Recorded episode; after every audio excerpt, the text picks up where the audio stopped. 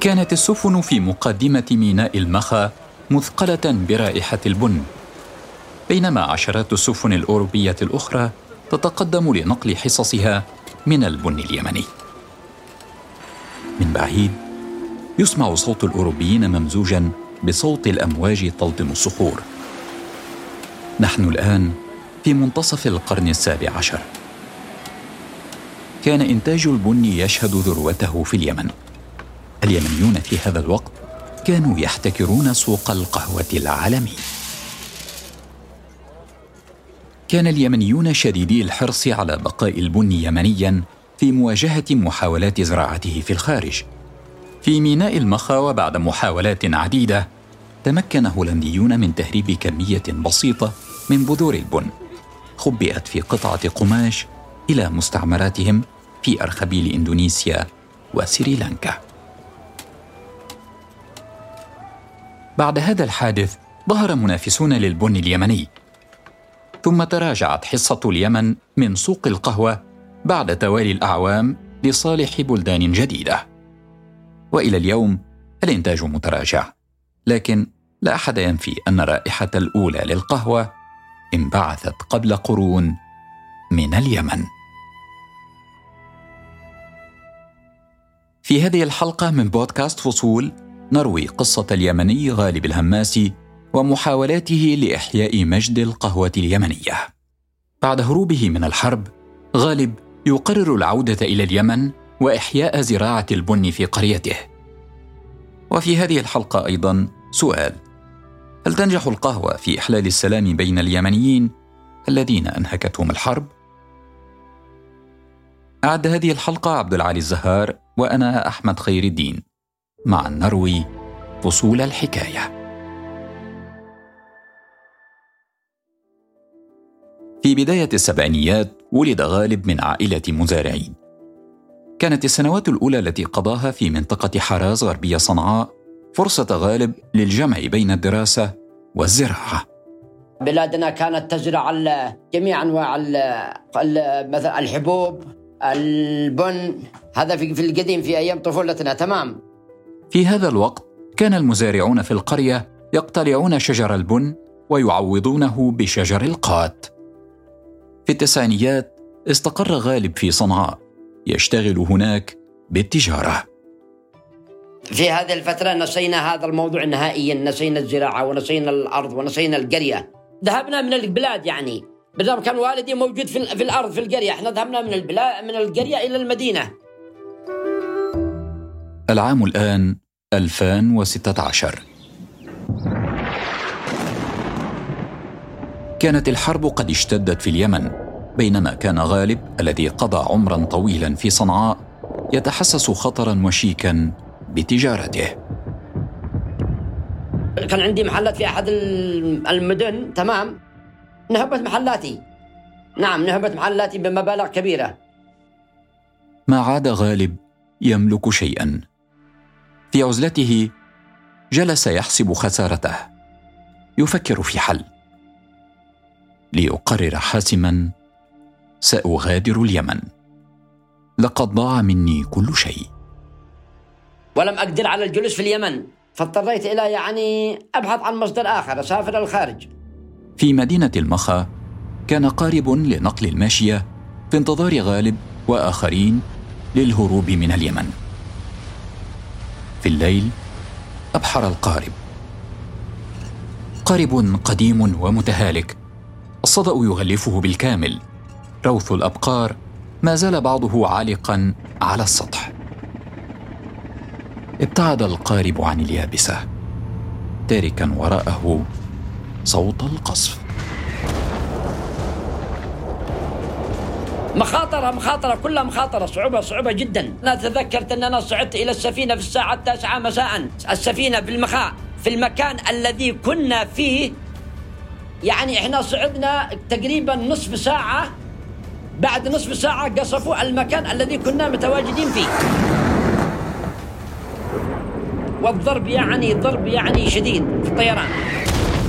الحمد لله صعدنا إلى السفينة بالسلامة وتوجهنا إلى جيبوتي بعد رحلة محفوفة بالمخاطر وصل غالب إلى جيبوتي ثم انتقل منها إلى كينيا فتنزانيا. أي وصلت تنزانيا مكثت تقريبا مدة أسبوعين وتقابلت مع أحد الأصدقاء. تمام صديق حميم علي وكنت أتكلم معه. نتكلم يعني في الوضع والحرب وما هذا ما شابه هذا. تمام. كان غالب ينوي الاستقرار في تنزانيا والعمل في التجارة لكن بعد لقائه بصديق في هذا البلد قرر غالب العودة إلى اليمن بحثا عن الكنز. كنز البن. فقال لي صديقي كيف أنت تبحث عن التجارة أو عن أي أعمال وعندكم في اليمن كنز؟ قلت إيش هو الكنز؟ ما هو الكنز؟ قال لي عندكم البن. زراعة البن إنتاج البن. وأنت يعني أبا أبوك وجدك وجد جدك وكلكم من المزارعين القدماء ومن المنتجين للبن فكيف تذهب إلى هذه البلاد وتبحث عن كنز أو تبحث عن تجارة؟ ومن هذاك اليوم يعني فكرت فجلست تقريبا مكثت أسبوعين إلى ثلاثة أسابيع في هذه في تنزانيا. فرجعت إلى اليمن. رجعت إلى اليمن مباشرة وكانت الرجوع إلى اليمن بصعوبة جدا. في اليمن عاد غالب إلى قريته متجاهلا الاستقرار في المدينة. كان موسم البن قد بدأ بالفعل. اشترى غالب ما جناه مزارعون من محاصيل وبدأ يتاجر به. كان في موسم في هذاك الوقت كان هو بموسم البن. فنزلت يعني بدأت بمبلغ يعني بسيط بشراء البن من جميع المزارع من نفس منطقتي. بعد عام سيستفيد غالب من تدريب حول زراعة البن. خلاص يعني كان عندي شغف وحب للأرض والبن والزراعة والإنتاج بشكل غير طبيعي يعني نسيت المدينة نهائيا. خلاص يعني ركزت على البن. يعني طرق صحيحة لإنتاج البن. في القرية سينقل غالب ما تعلمه لكن إقناع أهل القرية باستبدال زراعة القاتل بالبن صعب. واجهتنا عدة تحديات كبيرة مع بعض المزارعين والحمد لله تم التفاهم والتعاون معهم كان يوجد عندنا تقريبا مليون شجرة قات فقمنا باقتلاعها في 2017 نهائيا. وقمنا بدعم هذا المشروع لأن شجرة البن تحتاج لها فترة لكي تنتج حتى دعمنا المزارعين في هذه الفترة. إلى أين أتى المحصول البن؟ احتلت أشجار البن أراضي القرية. من بعيد يبدو شكلها مرتبا. تستبدل أزهارها بالثمار. المخازن في القرية مكدسة بأطنان من القهوة. جناها غالب وأهل القرية في محصولهم الأول. نعم نعم كان في هذا السنة تقريبا في عام 2018 و2019 و2020 كانت الحمد لله وكانت عندنا في هذه الامطار امطار آه، غزيرة. وكان يوجد إنتاج آه، كثير وبعد هذا الإنتاج قلنا بتجفيف البن بالطريقة الصحيحة. ومن ثم نجففها وندها إلى إلى صنعاء إلى يعني للمخازن والله عندنا في المخازن نقوم بالتل أول حاجة بالقشارة والتنقية والتصفية والفرز. لازم نقوم يعني إحنا بتقييم البن هنا عندنا في في عندنا في المخازن أو في المكاتب أو في المقاهي. هل نشوف جودة البن؟ هل هي الجودة مناسبة؟ هل الرطوبة مناسبة؟ فلدينا في اليمن تقريبا من فوق أربعة إلى خمسة أشخاص. ناس عندهم خبرة في التذوق. أكيد أكيد يكون بدعوتهم ونقوم بالتذوق وعملية كابينج يسموها. فهذا المتذوقين يعطيك يعني عشوائي ما يعرف. ويقيم البن على حسب جودة البن. في مدينة جدة السعودية كان غالب يجوب المدينة حاملا عينة من بنه. عند تاجر قهوة وقف غالب يعرض بضاعته. فدخلت إلى تقابلت مع الموظفين قلت فين صاحب هذا الكافي؟ فتقابلت قال أنا صاحب الكافي. قلت يا أخي يوجد لدي عندي بن أريد أعرضه عليك. قال عرفتك أن أنت من اليمن ومعك بن. قال كلهم يجوا هكذا عندهم بن من اليمن وجودة ومدري إيش لكن يعني البن ما هو. قلت يا أخي أنت شوف البن وبعدين تكلم. تفاجأ التاجر ومن معه من شكل البن واختلافه عن ذلك القادم من باقي مزارع اليمن. كبرت دهشة التاجر بعد ارتشاف القهوة. بينما احتلت فرحة وجه غالب فخرا بعمله. فأعطيته العينات. فالرجل استغرب كان يفتح ال ال ال الكيس يعني ال أو البن ويبحث في البن هل يوجد أي شوائب؟ هل يوجد أي أحجار؟ فاستغرب كان يقول هذا البن من اليمن؟ قلت نعم هذا من اليمن وأنا مزارع وهذا البن من منتجاتي من مزرعتي. فقمنا تذوقنا البن فطلع البن يعني ذات جودة. وبعته تقريبا بعت له تقريبا في حدود خمسة إلى ستة طن. بعد أيام بعث غالب عينة من بنه إلى أمريكا بعدما استحال سفره لحضور معرض هناك. كان غالب يبحث عن تقييم يزكي جودة قهوته. بس للأسف الشديد لم نحصل على الفيزا. لأنك عارف الظروف التي كانت تحصل فيها اليمن ومشاكل وحروب وممنوع دخول اليمنيين وما شابه. وقمنا بإرسال بعض العينات إلى أمريكا. الحمد لله فطلع البن حقنا من أفضل البن في العالم. تعاظم دور القهوة في حياة المزارعين. ارتفع دخلهم مقارنة بالسابق. الآلات تطورت وازداد عددها. هذه المرة أقدم غالب على المشاركة ببنه في مسابقة عالمية لأفضل أنواع القهوة في اليابان. بين عشرات الدول المشاركة نالت قهوة غالب المركز الأول. أرسلنا مع أحد التجار وعد من العملاء الوكلاء أخذ مننا بن وإلى اليابان. وقاموا بشراء البن وتذوقوا وحصل على الميدالية الذهبية البن حقنا. فالمزارعين والمتذوقين والخبراء قالوا ما هذه النكهات؟ فأنا البن اليمني يمتاز بنكهات نكهات غير طبيعية يعني نكهات مختلفة نكهات فواكه. بالرغم من البن العالمية يعني نكهاته غير النكهات اليمنية تقريبا على الكاكاو الشوكولاتة مثل هذا. أما البن اليمني فهي تمتاز بنكهة العنب نكهة الليمون نكهة الفراولة نكهة جميع أنواع الفواكه. بعض الدراسات أو الأبحاث السابقة تتحدث أن البن اليمني يعتبر هو أصل البن في العالم وبذرة البن هي انطلقت من اليمن أو خرجت من اليمن.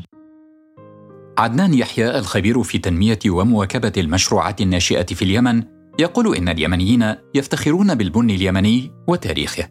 يتذكرون يوم كان العالم يرتشف قهوة وحيدة قادمة من ميناء المخا التي أخذت قهوة الموكا الشهيره تسميتها منه.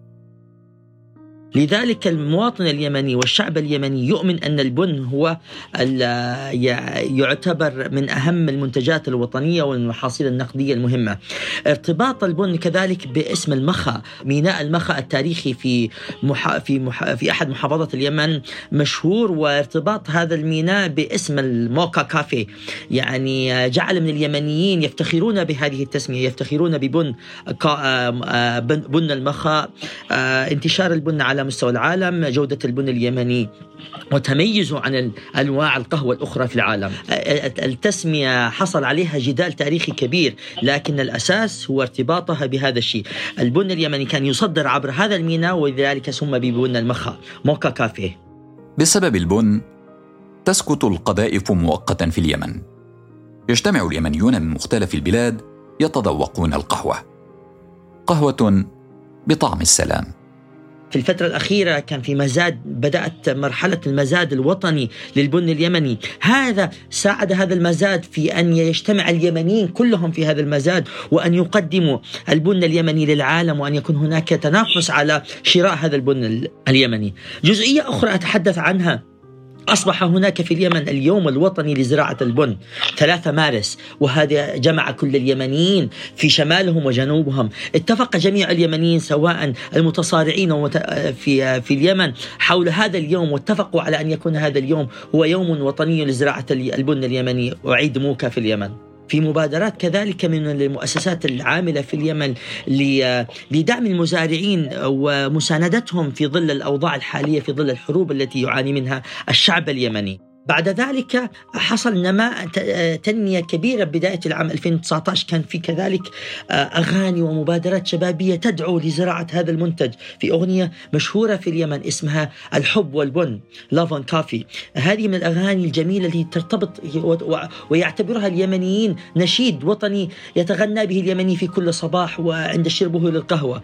نتحدث عن آه، الفترة الأخيرة قيام المؤسسات أو المنظمات أو الوكالات بتبني فتح أسواق جديدة للشباب اليمني خارج اليمن. وفتح يعني نوافذ أمل.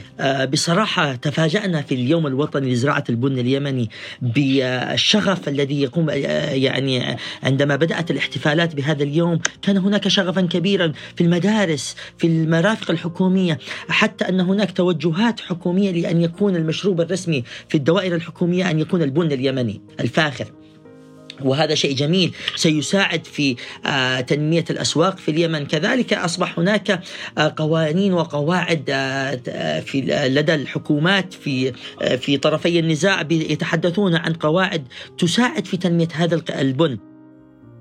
غالب الذي قادته الحرب للهروب هو نفسه الآن. يدعو اليمنيين إلى العودة لليمن لاقتسام كنز القهوة. وزرع مزيد من بذور البن في أراضي اليمن. فأنا نصيحتي يعني أنا أنصح مثلا أنا نصيحتي للشباب يعني للشباب اليمني للشباب المتسرب من الريف إلى المدينة بدون عمل يعني بطالة. يعني ارجعوا إلى قراكم وأراضيكم.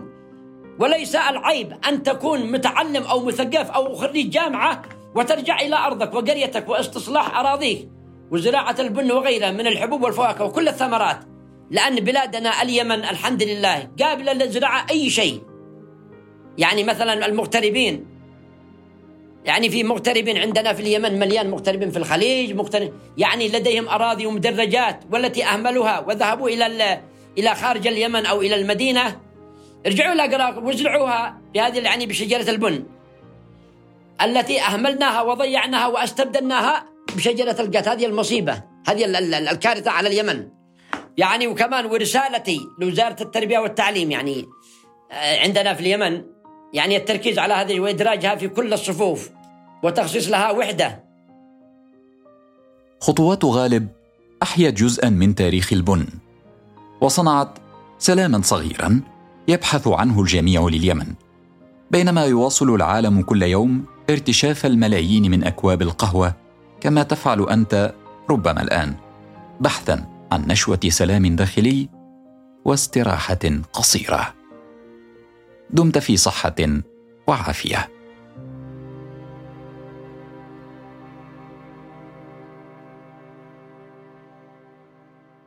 بودكاست فصول مع نروي فصول الحكاية.